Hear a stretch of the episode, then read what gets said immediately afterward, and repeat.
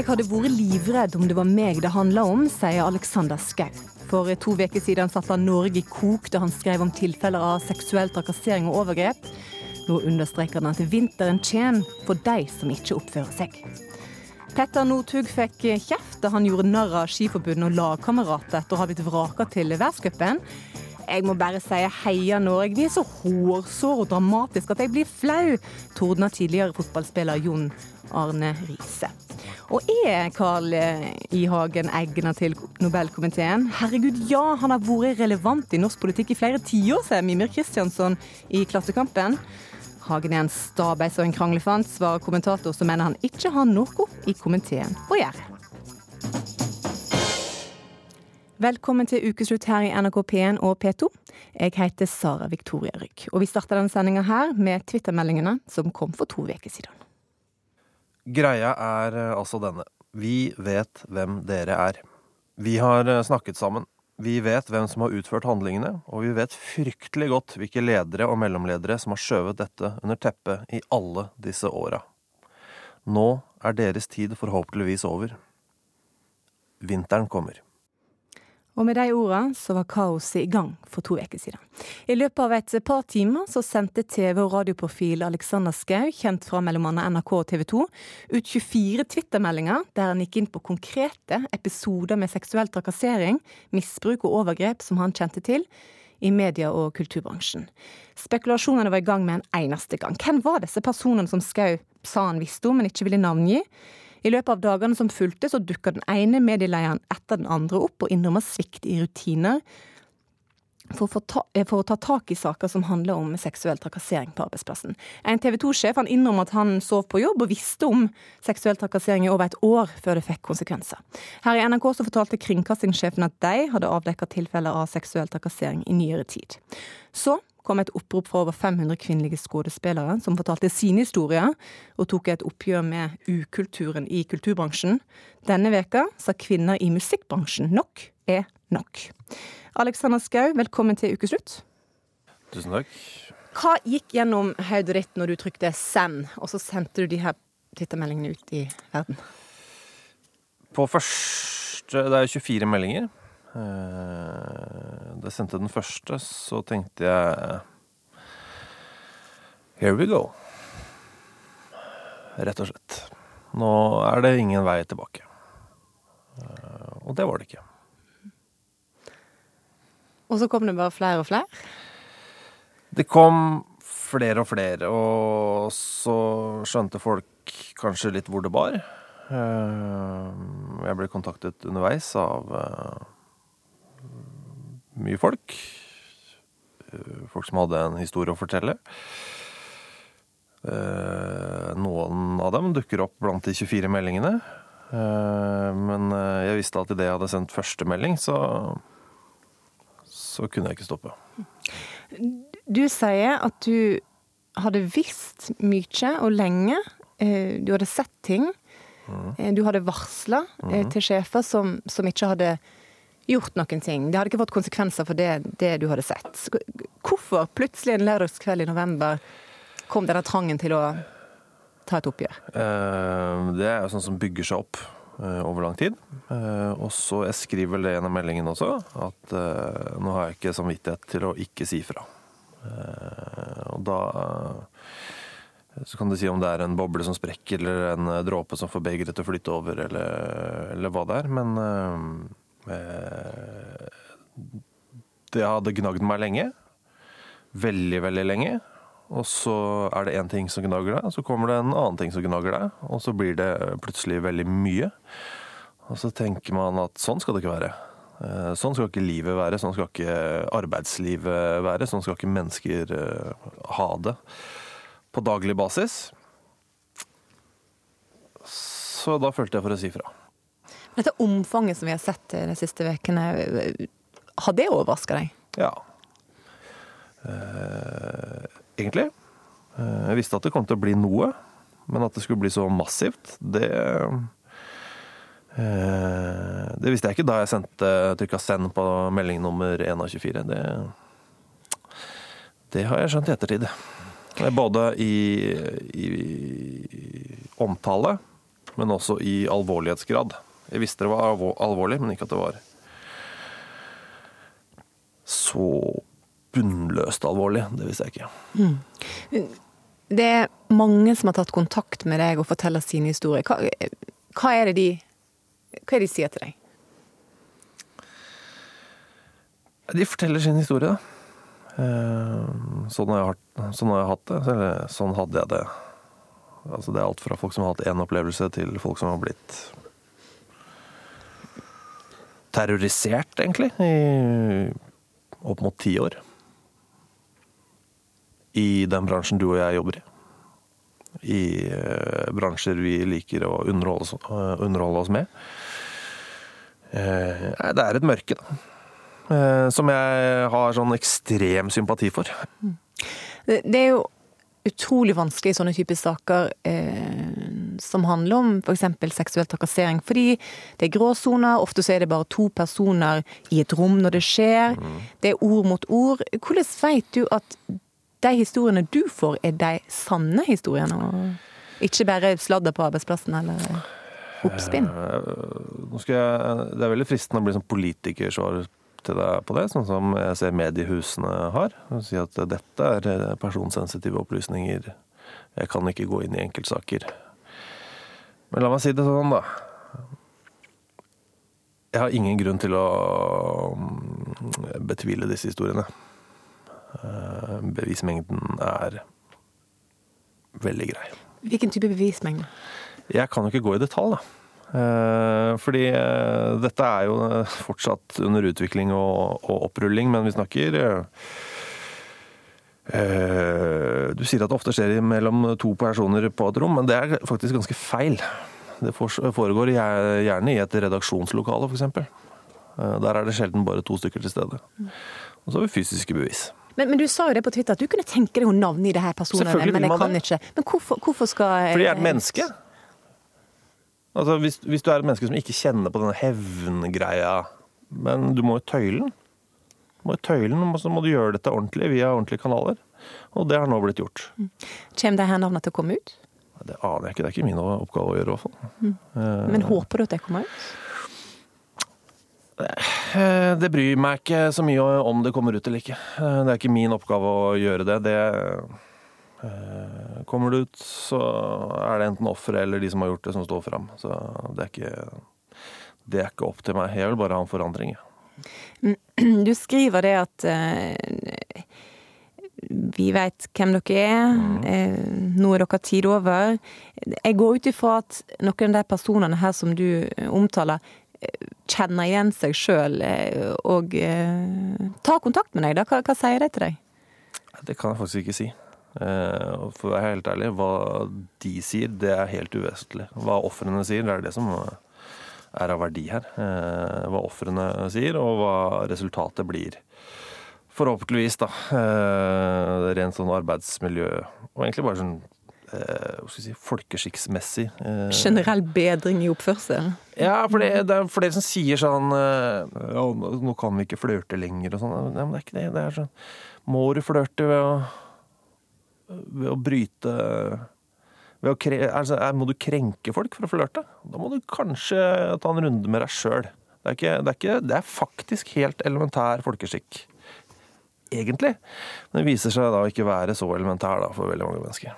Så etter de her oppslagene de siste ukene, så Altså, vi har 500 kvinnelige skuespillere som, som, har eh, signert et opprop. Vi har eh, nå halve kvinnelige musikkbransjen som har sagt nok er nok. Det kan jo virke som at eh, Norge er fylt opp med helt forferdelige folk. Det er mange som ikke kjenner seg igjen i den eh, beskrivelsen.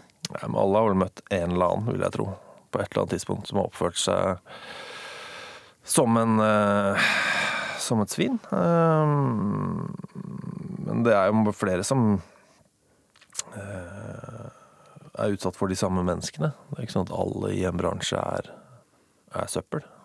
Eh, men eh, de er flere enn du tror, og så må vi få stopp på det. Men det gjelder ikke bare menn? Nei, det gjør ikke det, men det er jo en sånn enorm overrepresentasjon av, av, det kjønnet jeg eh, er en del av. Og det, det handler jo om kjønnsrollemønster og samfunnsutvikling og den slags. Men selvfølgelig finnes det kvinnelige eh, elendige kvinner der ute også. Eh, det sier seg selv. Og du har noen sånne kvinner på lista di? Ja. Tenker du at man har, med alle de her avsløringene nå, skapt en slags sånn gapestokkmentalitet? At, at en ser rundt seg på samfunnet på en annen måte og tenker han har sikkert gjort noe fælt, han har sikkert ikke oppført seg, hun sikkert, har sikkert misbrukt makt. Ja, man blir jo litt eh, mistenksom. Men eh, jeg tror nå vi liksom har fått eh, rydda opp, eh, lagt ned noen nye standarder for hva det er som er normal menneskelig oppførsel, så tror jeg den der mistenksomheten blir borte, da. Men det er, helt, det er, jo helt naturlig, det. Men jeg tror vi kan koste på oss noen uker med, med det. Det er liksom når en Hvis en Ja, la oss si en Ta et eller annet random yrke i TV-bransjen, TV-fotograf. da, Hvis han sier sånn 'Å, jeg føler meg så mistenkeliggjort', så tenker jeg det kan du by på. Du kan by på å være mistenkeliggjort et par uker. Når jeg kan fortelle deg noen av skjebnene til noen av de kvinnene som har blitt forsøkt voldtatt på arbeidsplassen, så tror jeg kanskje du kan tåle et par uker med mistenkeliggjøring, mens hun fortsatt eh, nå mange år etter jobber med å få livet sitt tilbake. For, for to uker siden så avslutta du eh, tvitringa di med å skrive noe sånt som at nå tar vi denne kampen, og vi tar den sammen. Mm. Er kampen over? Kampen er ikke i nærheten av å være over. Den kommer ikke til å være over på mange, mange år. og kanskje aldri helt over heller. Hva blir det neste i denne her kampen? Hva blir det neste i denne kampen? Hva kan vi vente oss av avsløringer, eller?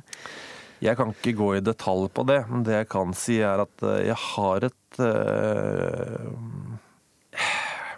jeg si, jeg, Det er jo nesten litt corny å si at man har et godt poeng, men når man vet hva som kommer, så kan jeg vel skrive under på at jeg har et ganske godt poeng når jeg skriver at at vinteren kommer. For det gjør den noe så voldsomt for en del mennesker. Hva innebærer det? Det kan jeg ikke gå i detalj på. Men, Men det er mennesker som har holdt på i mange år, som nå slutter å gjøre det de har holdt på med i mange år. Og det bør være redde? Hadde det vært meg, så hadde jeg vært, eh, hadde jeg vært livredd. Takk for at du kom til ukeslutt, eh, Alexander Schou. The Norwegian Nobel Committee. Carl I. Hagen. Carl I. Hagen. Carl I. Hagen. Has decided Carl I. Hagen. Carl I. Hagen. Nobelkomiteen har eksistert i 117 år. Vi har aldri sett noe tilsvarende oppstyr. Gjerne kall det sirkus.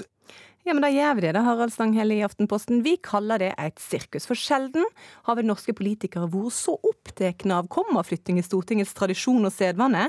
For kan Carl I. Hagen være i Nobelkomiteen og vara på Stortinget på samme tid? Kan han trekke seg fra Stortinget? Og er han egentlig egnet til dette her vervet? Du sier, nyhetsleder i Klassekampen Mimir Kristiansson, at jo mer du får vite om denne saka her, jo mer åpenbart blir det at dette handler om at mange ikke liker Carl I. Hagen. Ja, eh, og jeg eh, syns jo at det ene såkalt prinsipielle argumentet etter det andre faller. Altså Først var saken at en vararepresentant på Stortinget ikke kunne sitte i Nobelkomiteen. Så viste det seg at det har skjedd før. Ikke bare det, men Torbjørn Agland var Stortingets president og satt i Nobelkomiteen uten at noen reagerte på det da. Så når det argumentet var borte, da, så prøvde jo Hagen å lure seg inn med dette. Kan han søke permisjon? Og da var det plutselig veldig prinsipielt galt når en skulle søke permisjon. Men så viser det seg at det er masse folk som har fått permisjon, eller i hvert fall en del. Og en av de, Børge Brenda, har fått permisjon for å lede en privat stiftelse i utlandet, World Economic Forum. Sånn at jeg tror nok vi skal være ærlige og si at hadde dette vært hvem som helst andre i norsk politikk, Eh, og hadde det vært et hvilket som parti, kanskje en Frp, så ville ikke dette skapt et oppstyr. Dette skyldes at man ser på Carl I. Hagen som ikke stuerein, ikke fin nok for det gode selskap, og man ikke ønsker å gi han en sånn arena til å briske seg blant de store. Og det er jævlig forståelig, det. Jeg heller liker ikke Carl I. Hagen sånn veldig godt, iallfall ikke politisk. Men Jeg tror at man må holde seg litt for voksen når man driver med de tingene her, eh, til å synke ned i det der skittkastingen og nekte en eller annen person et verv han har lyst på, bare fordi eh, man har andre politiske meninger. Hagen er en stabe og en kranglefant med sterke meninger som ofte ligger langt under det normale, og et verdensbilde som sjelden henger sammen med nobelprisens tradisjoner eller Alfred Nobels testamente. Det skrev du, Mathias Fischer, du er kommentator i Bergens Tidende, og da går jeg ut ifra at du ikke mener at Hagen har noen ting i Nobelkomiteen å gjøre? Nei, og jeg mener jo det av mange ulike grunner, inkludert de prinsipielle argumentene som eh, Mimmi Kristiansson mener at ikke holder vann. I tillegg til at jeg mener at han av både av liksom hans eh, politiske ståsted eller verdimessige ståsted ikke representerer Nobelkomiteen på en god måte, og hans personlige egenskaper ikke, ikke står i stil med den verdigheten som Nobelkomiteen eh, trenger. Det er ikke bare at du ikke liker han, da. Nei, han har nettopp ramset opp mange grunner, så jeg tror at Mimir Kristiansen bør forholde seg til de argumentene. Og det, dette handler om at han Jeg mener at han ikke er egnet, og jeg mener at det er en uting å skulle velge noen som er vara. Og da vil jeg bare si at når, når Mimir Kristiansen sier her sånn Hvis det hadde vært hvilket som helst annet parti, så ville, ville man akseptert dette og sluppet uh, denne personen inn. Men hvilket som helst annet parti ville ikke nominert en person som Carl I. Hagen. De andre partiene har jo de siste årene gått bort fra å velge folk som er, har en klar politisk bakgrunn. De to siste som har kommet inn i komiteen, har nesten ingen politisk bakgrunn i det hele tatt. Det er fordi at alle de andre partiene har tatt inn over seg at komiteens uavhengighet har vært, eh, vært i spill, og derfor tatt en dreining. Og det eh, er det Frp nå er i ferd med å snu om på igjen. Det er vel nettopp Kristin Clemet, som har vært statsråd mange ganger Høyre, og Anne Enger, som har vært leder i Senterpartiet i en årrekke, akkurat blitt oppnevnt som vara til Nobelkomiteen. Så andre partier holder fortsatt på med dette. For meg er det gjerne sånn at jeg skulle gjerne sett et generelt regelverk som sa at ingen stortingsrepresentanter eller vararepresentanter som sitter, bør sitte i komiteen. Det regelverket er jeg for. Men enn så lenge har man ikke laga det regelverket. Og man kan ikke komme og lage nye regler bare fordi man ikke liker de partigruppene velger. Det Mathias Fischer sier, og jeg skal bare gi Mathias Fischer ros for en ting, for jeg synes han er omtrent den eneste kommentatoren i Norge som har vært ærlig til å si at dette har også en politisk side. Eh, Og når jeg sier at man ikke liker Carl I. Hagen, så kan jeg selvfølgelig si at det er litt flåste sagt, for jeg mener at man er ikke politisk enig med Carl I. Hagen, eller man mener hans politiske meninger er illegitime eller ikke passende. Og Fischer er jo i det minste ærlig på det da, og sier at dette er ikke bare formalisme, dette er òg at han er uegnet. Angivelig og nå sitter jeg for det Fischer har sagt, han mener ting som er langt utenfor det normale, og han har ytterliggående meninger. Og jeg mener for det første at dersom Nobelkomiteen skal begrenses bare til de som mener det normale, kan hva enn det måtte være, da er det jo virkelig en lite uavhengig komité som bare består av politisk ensretta representanter for den norske offisielle utenrikspolitikken. Og for det andre så tror jeg at det er bra at en sånn komité har et meningsmangfold som reflekterer det meningsfoldet som finnes i det norske parlamentet, den norske folkevalgte forsamlingen. Og det å si at partier som har eh, mange prosents oppslutning i Norge, ligger langt utenfor normale, har så ytterligere mener at de kanskje får være med på Nobelkomiteen. Det syns jeg rett og slett er ganske spesielt. Men Fischer, kan ikke det være fint med en fargeklatt inn i Nobelkomiteen som har litt andre meninger enn alle andre? Jo, vi har jo allerede Torbjørn Jagland. Eh, og, men jeg vil jo si at jeg er enig med at det der med det normale, det var en dårlig formulering. Men jeg mener at den politiske dimensjonen her handler jo om at altså, nå har veldig mange hengt seg opp i to prinsipper for hvordan du utvelger en Nobelkomité. Det ene prinsippet er at eh, partiene liksom får velge sjøl hvem som skal være der ut fra fordelingen på Stortinget. Og det andre prinsippet er at det skal være en viss politisk uavhengighet. Og så er det et tredje prinsipp, som, som rett og slett bare er at Stortinget har et ansvar for å velge en komité, og den skal være så god som mulig. Det må jo være jobben. Velge en god komité. Det er ingenting i Alfred Nobels testament om hvordan prosessen skal være. Det er ingen naturlov som tilsier at dette skal være ut fra fordelingen på Stortinget. Det er bare en sedvane. Det er en kultur som har utviklet seg gjennom Nobelkomiteens historie. Eh, Sånn at Det kan Stortinget fint bryte med. Man kan velge hvem som helst. Ingen trenger å ha noe politisk bakgrunn. Og Det må man kunne diskutere, og da må man kunne eh, den, den, og når, når Mimir Kristiansen sier liksom sånn Vi kan godt ha et regelverk som sier noe. Ja, men Hvorfor skal vi alltid ha et regelverk? Kanskje vi tar de diskusjonene når de kommer og sier at dette mener jeg er greit, dette mener jeg ikke er greit, uten at du trenger å vise til en paragraf for at, du skal, for at det skal være et gyldig argument? Og en sånn bred diskusjon må vi gjerne ha, men helst ikke bare sentrert rundt personen Carl I. Hagen. fordi da er vi allerede ute i dette sirkuset som vi har snakket om tidlig. vi har hatt en- jo, men Poenget er du kan ha en sånn diskusjon, sette ned som jeg sier, noen ideer og regler om hvordan det skal være, om hvordan Nobelkomiteen skal sette sammen, men du kan ikke bruke den type prinsipielle argumenter som ammunisjon for å hevne deg på politiske motstandere, sånn som jeg tror en del folk gjør nå. Ja, men, men dette er ikke en ny diskusjon.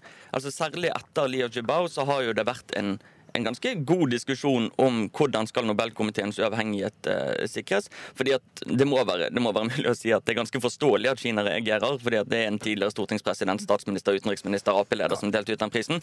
Og da hadde man den diskusjonen. Man har også hatt mange som har kritisert Torbjørn Jagland for at han har den dobbeltrollen med Europarådet. Det er jo ikke sånn at vi aldri har hatt en diskusjon i Norge om hvem som skal sitte der. Mathias, det er jo fullstendig naivt å tro at komiteen, altså politbyrået i Kinas kommunistparti skal bry seg om andre vara Carl I. Hagen møter i den komiteen. Hvis Norge gir en sånn pris til Liu Xiaobo, så blir vi sure på den komiteen. Uansett hvem som sitter der. Og det handler om prisens kontrovers, og ikke om sånne spissfindigheter om hvem som er møtende varer på inngående utadgående kontrakt, eller hvordan det er, om de har permisjoner fra Stortinget eller ikke. Det ja, er ikke sånn man Han har lyst til å få permisjon fra Stortinget for å kunne gå inn i denne her. Da tenker jeg at Han har jo kjempa seg inn nå på, som vara på Stortinget gjennom en valgkamp. Det var en bortkasta valgkamp, da, hvis han bare ville rett ut i permisjon igjen. Ja, så Han eh, ønsker å komme, få dette her vervet. Når han stilte til valg, så var jo det med vel vitende om at masse vara på Stortinget og så det i den komiteen før, så det kan man ikke akkurat klandre han for. Og nå prøver han å søke permisjon, og da har vi en smidig løsning på det. Men jeg vil bare si en ting til slutt som jeg synes er ganske viktig. For meg så smaker dette restene av den gamle måten å bekjempe Frp og høyrepopulister på, og det er å si at de er illegitime, de lukter vondt, de passer ikke inn i gode selskap, de er uegnet til å gå rundt på banketter og menge seg med fiffen. Og det er så impotent og dårlig, for dette partiet her, det styrer landet takket være en god del av de kommentatorene som mener at det er for farlig å la Carl I. Hagen klippe snorer i Nobelkomiteen, men styre landet og utenrikspolitikken, det må de gjerne få lov til. Da skal jeg bare si at Carl I. Hagen han var velkommen til det gode selskap her, men han ønsker ikke å stille i Dagsnytt 18. Takk til deg, Mathias Fischer, og takk til deg, Mimir Kristiansson. Kanskje er du en av de som tenker straks nytt år og nye muligheter, kanskje ny jobb? I så fall så leser du nok stillingsannonser på Finn for harde livet. Og ut fra ordlyden i disse annonsene så skjønner du raskt at norske arbeidsgivere de leter etter folk som er utadvendte, fremoverlent, fleksible, du skal være entusiastisk, ha stor arbeidskapasitet, du skal like å jobbe godt i både team og alene, og det spiller ingen rolle om du søker jobb som kranfører, barnehagelærer eller administrasjonsmedarbeider, du skal i bunn og grunn være et supermenneske. Reporter Gry Veiby hun møtte frilanser og forfatter Oda Rygg, som lurer på om arbeidsgivere egentlig veit hva de er ute etter. Så her, her har vi en bygg- og eiendomsrevisjon som er ute etter en administrasjonskonsulent. Det høres jo fint ut. Eh, som skal da eh, drive med fakturering, eh, bilagsføring, rapportutvikling og likviditetsstyring. Bør helst være energisk og utadvendt. Ja. Oda Rygg sitter bøyd over laptopen og myser gjennom stillingsannonsene på Finn. Nei, altså, jeg lurer jo på hvordan utadvendtheten hjelper med bilagsføring. Selv er hun frilans med kontor tidvis på kafé. Og av og til drømmer hun om en jobb med fast arbeidstid og fast inntekt. Men hva skjedde med å bare ha en vanlig jobb, der alle har litt ulike egenskaper og interesser, spør Rygg i Drammens Tidende. Jeg, jeg, har jo hatt arbeidsplasser. Eh, jeg har jobba mange steder hvor det har vært uh, Det sitter en litt sånn gretten gammel mann i et hjørne da, som, som kan alt. Eh, og som, som, er litt saktmodig og ordner alt og så, gjør ting, og så blir det liksom alt blir bra. Og det, det, den personen uh, er det ingen som er ute etter. For når hun sjekker jobbannonsene, virker det som alle skal være framoverlente, kreative, utadvendte og ha glimt i øyet. Uavhengig av hva slags jobb det er. Bare hør her. Regnskapsfører søkes. Vedkommende må være superhyggelig, råflink og proaktiv. Tankbilsjåfør må være kreativ og løsningsorientert. Leder i fabrikk som lager gjerder. Må ha glimt i øyet. Restaurant søker en fremoverlent relasjonsbygger. Eller denne i en møbelbutikk. Fleksibel og utadvendt. Igjen, dette er salg, så det, det kan jo passe veldig fint. Ja, men de må ha et lidenskapelig forhold til vårt sortiment. Lidenskapelig, altså. Jeg er ikke lidenskapelig overfor mannen min engang for mesteparten av tida. Det er disse, det er disse svulstige, overdrevne ordene som, som, virkelig ikke har noe å gjøre med, med stå opp og gå på jobb å gjøre. Men eh, hvorfor er det sånn? Jeg føler meg rimelig framoverlent der jeg kommer 20 minutter for tidlig til avtalen med en som driver med nettopp rekruttering. Hei! Gry Veiby. Hans Petter Stub i Widentify, et selskap som bl.a. hjelper arbeidsgivere med å skrive stillingsutlysninger, scroller seg gjennom annonsene på nett. Dynamisk. Skal vi se hvor mange stillinger det er som nevner det. da. 593 stillinger i 366 annonser vil ha noe som er dynamisk. Jobbe i team. Ja, 3500 stillinger i 1803 annonser. Der er det viktig å kunne jobbe i team. Hans forklaring? Man ønsker en hjerneforsker som er da god i team, men også god alene, som gjerne har vært på månen, og planlegger å dra til Mars, som i tillegg er glad i barn. Det er, det er så lang rekke krav, krav som er tatt ut av enhver sammenheng, som ikke er relevante for alle jobbene. Jeg lurer på Hvor kommer de kravene fra? Er det noen som har satt seg ned og hatt en kravspesifikasjon og sagt hva er viktigst for denne stillingen her? Vi skal ha en revisor, eller vi skal ha en, en pedagog til en barnehage. Og hva er da viktigst? Alle disse kravene er ikke like viktige. Det går galt dels fordi man har dårlig tid. Uh, og vanligvis er det sånn at herregud, skal vi ha en stilling som skal når er fristen? Klokka tolv. Herregud, klokka er ti nå. Jeg er nysgjerrig på hva de som lager annonsen har tenkt. Men flere jeg tar kontakt med, vil ikke på radio. Men de som søker etter en regnskapsfører med gode sosiale antenner, som er på hugget og er proaktiv, svarer slik. Eh, I det så legger vi igjen som på en måte utgangspunktet øh, følger opp kunden og er litt i forkant ja, at man er på en måte litt mer på ballen. At man er på en måte følger opp kunden eh, ved å på en måte bruke, bruke de bilagene og regnskapet som ligger der. Da. Er, ja, for Dere vil jo også ha noen som er på hugget. Er det samme? Det blir jo litt av det samme, egentlig. Ja. Tenker jeg. Så til dem som etter hvert skal søke jobb. I kantina på Universitetet i Oslo sitter Ole Jakob, Karoline, Sigurd og Majori. På mange ungdomsjobber så er det ofte egentlig ikke så store krav, men de skal liksom få det til å se ut som det er det, for å få de beste. De som tror at de kan oppfylle de kravene. Altså, jeg tenker det er skikkelig stress, faktisk. Sånn, eh, det er ikke akkurat som passer som min eh, personlighetstrekk for ofte, da. så det er liksom dumt. Men eh, jeg kan ikke noe særlig for det. Men hva ville de fått hvis de hadde ikke skrevet alt dette her, men fått deg istedenfor, da? De ville fått Ja, altså jeg er hardtarbeidende og disiplinert, da. Så de ville fått det, men jeg har kanskje ikke det glimtet i øyet, på en måte. Men de ville fått en god arbeider. Altså, jeg er sånn Det går fint. Bare søker alt. Ja. Men det er litt mer, det er litt mer sånn slagord da, som jeg føler er litt der for å skremme bort de som på en måte kanskje ikke har selvtilliten eller motivasjon til å i hvert fall fake at de er det, da. Tilbake til Oda Rygg. Hun har en klar oppfordring til dem som er ute etter nye medarbeidere. Dette er jo en, en ønskedrøm til nissen. Men hvis jeg var ung og jobbsøker ikke visste at dette her er staffasje, det er jo, ingen, det er jo ikke det de vil ha. Altså Det man vil ha til å jobbe på økonomi og regnskap, er jo ikke en kreativ, framoverlent menneske. Det er et veldig lite kreativt menneske som trives godt med å sitte med Excel. Det er det man er ute etter. Jeg blir litt matt. Så, men så tikket det heldigvis inn et nytt betalt oppdrag, så nå kan jeg liksom vente litt grann til. Litt til. Så får vi se.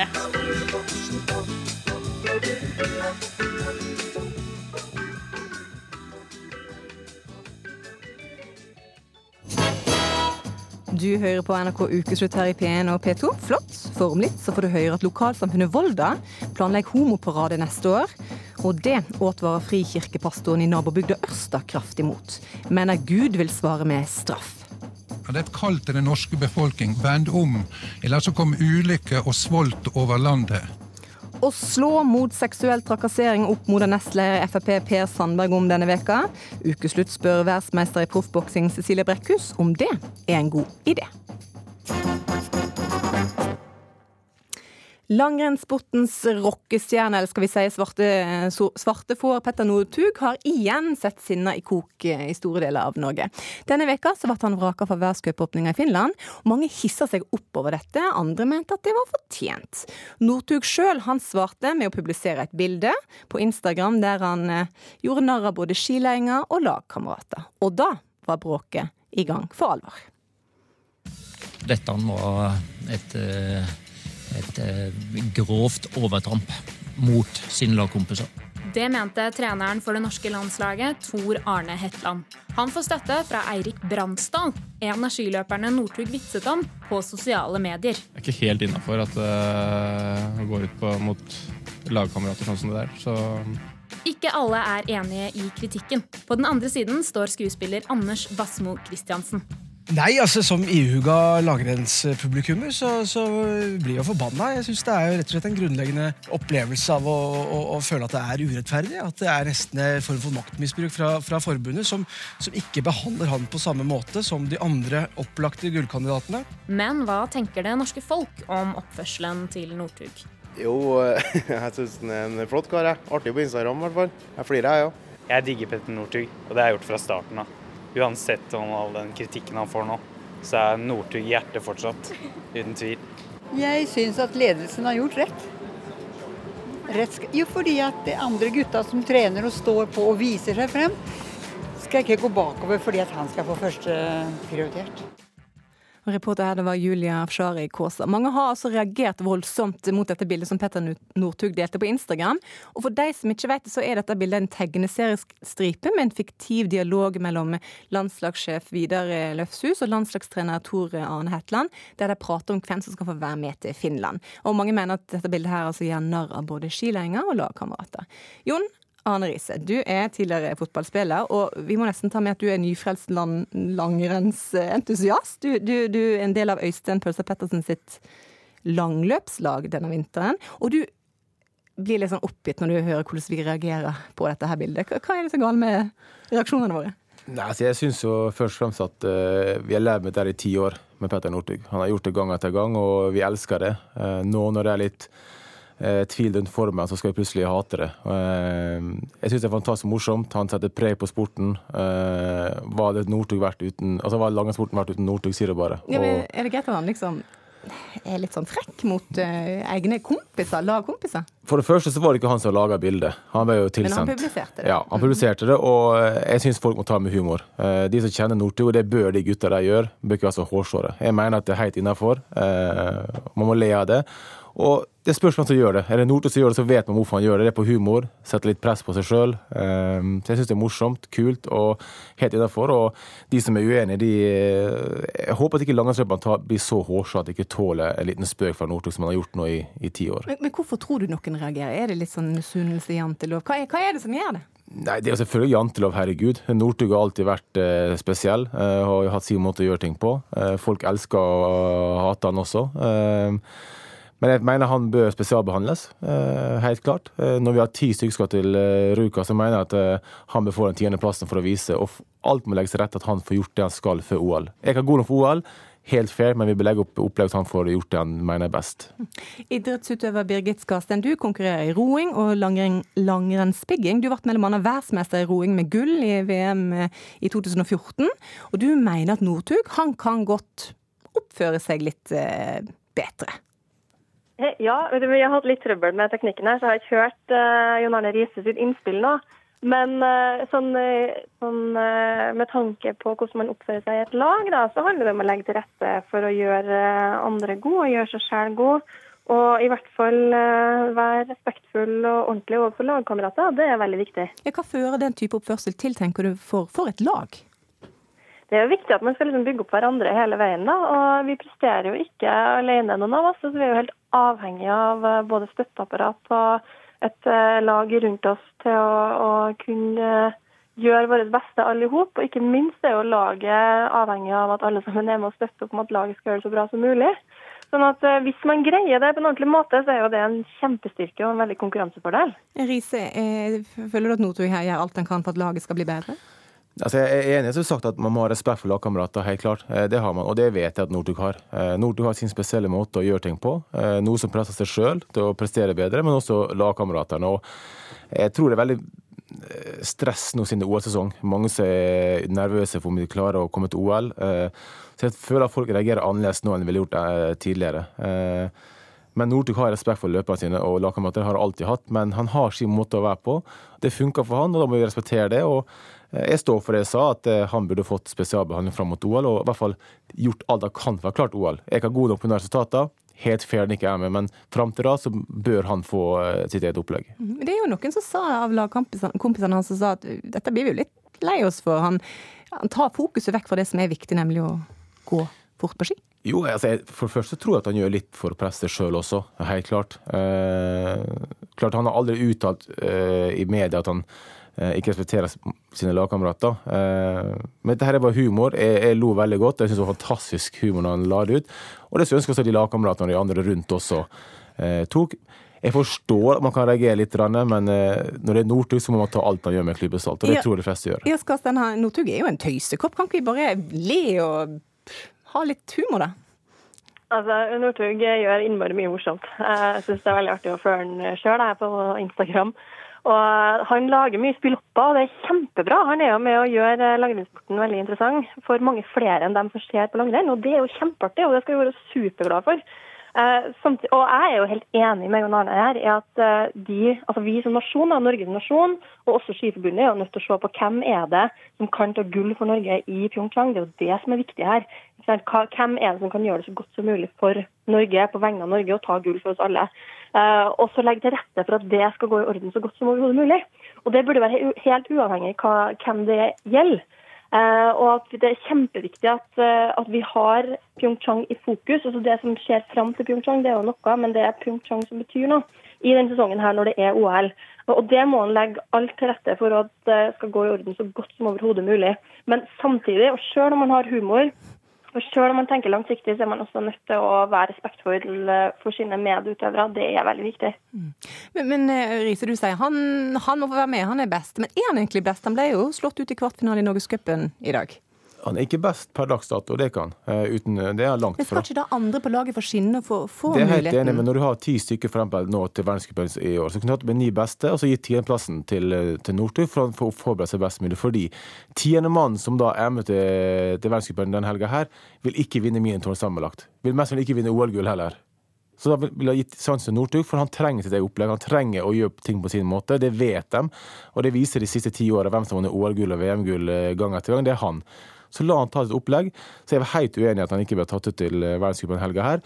Ja, han har gjort det svakt i, i Norgescupen, men kjeder Northug rett som jeg tror det gjør, så er hodet hans helt på andre plasser. Dette her var trening for denne helga her, og Lillehammer nå neste helg, det er der han må vise fram. Mm. Eh, Birgit eh, Skarstein, dette her er jo altså Skiforbundet sier de ikke har lyst til å være med her i ukeslutt i dag. De, de er ferdig med denne saka her. Men, men eh, landslagstreneren har jo sagt at han har fått innboksen sin full av hatmeldinger etter, etter denne her veka. Blir ikke det litt al vel alvorlig nå, dette her? Det skaper jo veldig stort engasjement, da, og det er jo kjempebra. Altså, det skal jo alle sammen som driver med idrett være glad for, at idretten skaper engasjement, og at det er mange som føler at de er en del av det. Og så er det jo faktisk sånn at uh, det her er jo snakk om landslaget, og jeg tror det er ganske mange i Norge som føler at de har eierskap nettopp til landslaget. Uh, og eierskap til hvilke utøvere som kan representere oss som nasjon, og det er jo kjempebra. Og så er det liksom viktig å huske på at det er veldig mye informasjon her. Jeg har ikke peiling her hvordan informasjon eh, Skiforbundet har brukt til å ta ut og ikke ta ut. Eh, av aller helst så skulle det vært sånn at landslagsapparatet har vært ganske godt oppdatert på, på hva som er ståa hos alle de forskjellige utøverne. Men jeg er veldig enig med Jon Arne at det er viktig at man legger opp et godt løp som gjør at folk kan prestere når det skal presteres. Og Der er vi jo såpass heldige i Norge da, at vi har så mange gode løpere at man er nødt til å legge inn en del formtopper som ikke er så gunstig for nettopp når at man skal prestere senere i sesongen. da. Um, Men hvis vi har lyst til å hevde oss internasjonalt, så må man legge det til rette sånn at det skal gå an å prestere sent i sesongen. og Da kan det være sånn at man er nødt til å legge litt ekstra til rette for noen utøvere som har vist at de håndterer det og forbereder seg til mesterskap på en ordentlig måte. Fordi det har i hvert fall Petter gjort. Han har vist gang på gang på gang at han kan prestere når det gjelder. Legge til rette for deg, men vi skal òg oppføre oss mot hverandre og være greit. Takk til deg, Jon Arne Riise, og takk til deg, Birgit Skarstein.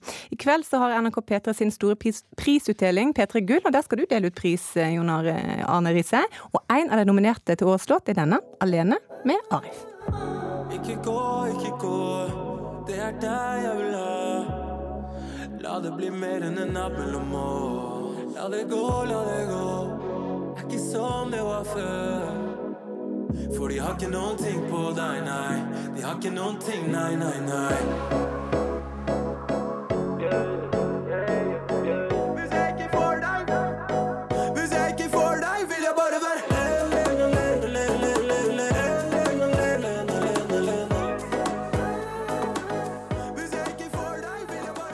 Landbruksminister Jon Georg Dale fra Fremskrittspartiet rykker denne veka ut mot pastoren i ei frimenighet i Ørsta på Sunnmøre. Landbruksministeren reagerte på et innlegg i lokalavisa Møre der pastor Hans Reite protesterte mot en planlagt homoparade i Volda. De homofile og lesbiske får drive med det de vil i det skjulte, men hvorfor skal de stå fram med en parade for å profilere levesettet sitt, skrev pastoren, som mener homofili må holdes skjult. Det er noe som er synd, og det bør Dale vite også. Ikke nok bare å tro på Gud. Man må omvende seg. Det er et kall til den norske befolkning. Vend om, eller så kommer ulykke og svolt over landet. Rett etter middagstid onsdag ble Norges undergang varsla på Dagsnytt 18. I studio satt Hans Reite, pastor i frimenigheten Nytt Livssenter i Ørsta. Han mener at den planlagte homoparaden i Volda neste år vil føre til forbannelse og straff fra Gud. Jeg er bekymra for eh, barn og ungdom, eh, hva retning de skal ta. Som det står også i stykket, så er de åpne for, eh, ja, for valg og osv. Og, og vi er alle mottagelige for påvirkning og reklame. Så ved en sånn parade da, så uh, vil det tiltrekke seg oppmerksomhet, og kanskje noen blir dratt inn i det. Og, mm. Så du er, for, det, du er, rett og slett redd for at flere skal finne på å bli homofil eller lesbisk? Ja. Mange har reagert på det pastoren har skrevet og sagt om Pride-paraden, også landbruksminister Jon Georg Dale fra Volda. Og Jeg opplever at folk og ungdom hjemme, i områder jeg kommer fra, har en større bør enn de hadde trengt om å ha fordi at eh, Hans Reite i årevis har tatt til motmæle mot deres måte å leve livet sine på. Og nå tenkte jeg at eh, det er på høy tid at noen sier noe annet. Pastor Reite frykter at homofile mennesker vil komme til bygda og påvirke de unge. Men hva synes sambygdingene til Reite om den planlagte homoparaden? Vi spurte folk på gata. Det syns jeg er helt rått. Ja. Nei, det er nå vel greit. Jeg er ikke noe imot det, da. Kan man bli homofil av å omgås med andre homofile? Nei, det tror ikke jeg. Nei, Jeg tror ikke det blir noen påvirkning av det, da. Så lenge ikke de eh, påvirker de andre med å tafse på hverandre. Det var finale på Skal vi danse. Jeg må finne på noe gøy. Så sier venninnen min at eh, du vil ikke ha sølvhår da, Tore. Så sier jeg herregud, jeg farger håret hver uke for at ingen skal si at jeg begynner å bli gammel. Men lille hadde vært morsomt. Tore Petterson, kjent fra Sofa på NRK og Skal vi danse på TV 2, er strålende blid.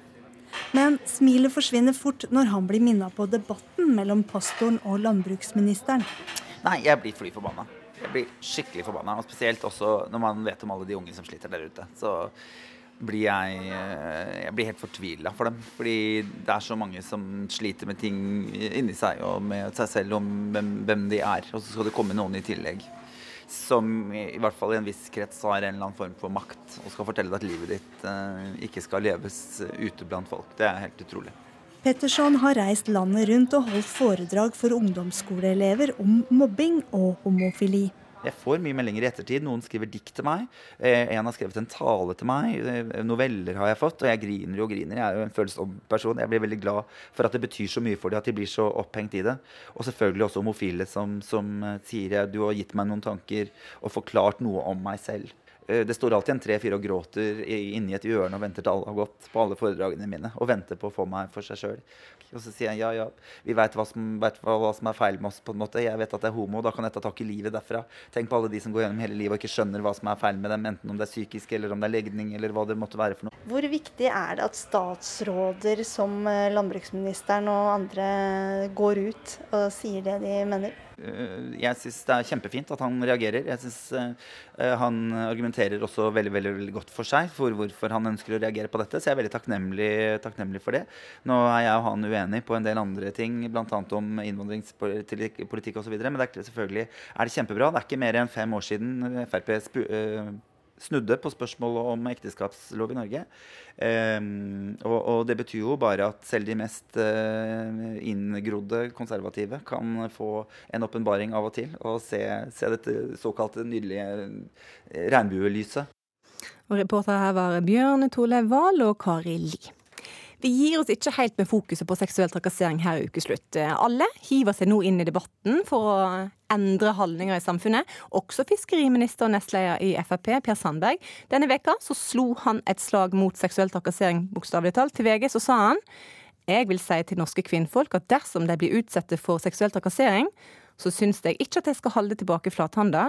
En god, gammeldags ørefik er noe de aller fleste mannfolk forstår. Mange kvinner har reagert. Per Sandberg ville ikke utdype dette overfor uh, ukeslutt. Verdensmester i proffboksing, Cecilia Brekkhus. Er det en god idé å slå mot seksuell trakassering? Altså Først må jeg si at uh, det er flott at Petter Solberg kommer i debatten og, og, og, prøver å hjelpe. Og det er jo veldig positivt, fordi vi trenger å stå altså både kvinner, Dette er jo kvinner og menn mot trakassering. Dette er ikke kvinner mot menn og, og menn mot kvinner. Så det er veldig positivt at han prøver å gi et positivt innspill. Um, jeg tror han bommet litt her, fordi uh, det å gi ansvar, et sykt ansvar til kvinner, det, det tror jeg er, ikke er så bra. Og um, for det første så har jo kvinner kvinner generelt ganske høy terskel for å, å, å, slå og bruke vold. Og eh, det legger et tungt ansvar på kvinner. Ehm, eh, og så er det jo også det at en situasjon jeg skjønner at han syns dette litt, kunne, kunne, være litt morsomt. da, at han, han, han, ser for seg en litt sånn situasjon der en kvinne slår til en fyr, og så ler man litt, og så, og så er det over. Men, men, men, sannheten er jo litt annerledes. Her kan jo en situasjon egentlig spinne litt ut av kontroll. og um, og Det verste som kan skje, er jo at en slik situasjon eskalerer og så utarter seg, og at kanskje mannen da blir eh, voldelig tilbake. Så det er jo ikke noe jeg anbefaler egentlig i, i utgangspunktet for, eh, for, jenter. Mm. Ville du ha slått i en eh, sånn situasjon? Om jeg ville slått i en sånn mm. situasjon? Ja, altså det, altså, det, er helt umulig å si her og nå hvordan jeg ville reagert. Det kan egentlig bare for, for Det kan hende at jeg hadde blitt så overrasket og, og, betuttet over at det i det hele tatt hadde skjedd, at jeg kanskje ikke engang hadde eh, rukket å, å reagere før eh, han hadde vært borte. Så um, Men det er jo helt klart at det hadde vært fortjent. Eh, vi hørte tidligere i sending at Alexander Schou forteller at han ble overraska over omfanget av eh, alle sakene med seksuell trakassering etter at han satte i gang denne Twitter-meldinga. Han, han, sier han ikke visste om at det var så bunnløst alvorlig. Du sier det at eh, det handler ikke om hva vi skal gjøre for å, å, reagere når den seksuelle trakasseringen oppstår. Det handler om å forebygge seksuell trakassering. Hvordan skal vi gjøre det? Ja, nei, Jeg er helt uh, enig med han. Jeg, jeg tror den metoo-kampanjen har vært, uh, har vært uh, veldig viktig. Og selvfølgelig ser jeg jo både pluss og minuser ved dette, men sånn overordnet så tror jeg dette har vært en kjempeviktig kampanje. For det har belyst et stort samfunnsproblem. Og meg sjøl er også veldig overrasket over hvor utbredt dette her er. Jeg sjøl har jo vært i en veldig mannsdominert yrke. Jeg var eneste jente i Tyskland med 15 bukser boksere og, og trenere eh, til tider. Og eh, kan jo skrive under på at eh, ikke alle menn er mannssjåvinister og overgripere. Og, men når det er sagt, så er dette her selvfølgelig mange, altså mange, kvinner som har som sliter med dette. Og det er et stort Det er jo tydeligvis et stort, stort problem. Har du opplevd noe sånt? Hmm? Har du opplevd noe sånt? Ja, nei, når jeg var i Tyskland, så fikk jo vi Alle fikk klar beskjed fra ledelsen om at uh, hun er Altså her rører dere ikke. Mm, mm. Denne jenten rører dere ikke. Så det er jo kjempeviktig at det er en klar og tydelig ledelse her. Men så er det også kjempeviktig og, og Eh, tenke på hvordan man kan bekjempe dette. her. For hva skjer når ledelsen er overgriperen, f.eks.? Eh, overgriperen, f.eks. Men eh, det viktigste for meg det er at vi må få eh, dette her inn i skolen. Eh, og begynne med dette fra en eh, tidlig alder. På samme måte som at man blir fortalt at man ikke skal mobbe, at man ikke skal stjele. Så får man fortalt inn i undervisningen at man skal ikke drive med seksuell trakassering og ha respekt. Og dette har du tatt opp med politikerne tidligere uten å få den eh, tilbakemeldinga som du ønsker. Kanskje det nå er på tide å ta det opp med deg på nytt, med tanke på hvor eh, fokusert alle er nå på seksuell trakassering? Dette er veldig viktig å ta opp, eh, og det er jo, jeg skjønner det er mange tiltak som blir, som blir gjort etter seksuell trakassering er blitt utført, men, men, det er jo litt som å, å, som å tisse i buksene å, på en kald vinternatt for å holde varmen. Her må man starte tidlig i skolen og, for, drive med forebyggende arbeid, og jeg tror at det er det eneste eneste løsningen. Ja, takk for at du kom i ukeslutt, eh, proffbokser Cecilia Brekkhus. Og da er det på tide med et værvarsel. Ja, Hei, eh, her er Siri Wiberg fra Meteorologisk institutt, og jeg skal fortelle hvordan været blir. Og det er en god del vær fortsatt i Sør-Norge. Sør for Stad og Dovre så blåser det fra en eh, sørlig kant med periodevis stiv og sterk kuling på kysten i vest og i fjellet i dag. Og det er bygevær, og det er både hagl og torden og regn og sludd og snø og vanskelige kjøreforhold i vest. Eh, Østafjells så er det stort sett byger bare på kysten. Og i morgen så minker vinden og dreier på nordvest, men den øker på igjen utover dagen i sør-vest med opp i stiv og sterk kuling igjen. Og bygeværet det fortsetter. Det blir nå litt sludd og snø i indre strøk østafjells, og etter hvert ganske bra vær i vest. Noen byger også på Sunnmøre, spesielt i dag. Eller stort sett oppholdsperioden med sol, og det blåser også der en god del, spesielt på Sunnmøre, men det minker til i morgen. I Nord-Norge er vinden stort sett fra sør. Det blir perioder med kuling i nordvest, og så blir det noe Nedbør fra Lofoten og videre nordover. Ellers opphold og stort sett oppholdsvær på Spitsbergen. Tusen takk, statsmeteorolog Siri Vive Horien. Ukeslutt er over for i dag. Ansvarlig for sendinga var Andrea Kvamme Hagen. Hilde Tosterud styrte teknikken, og jeg heter Sara Victoria Rygg. God helg!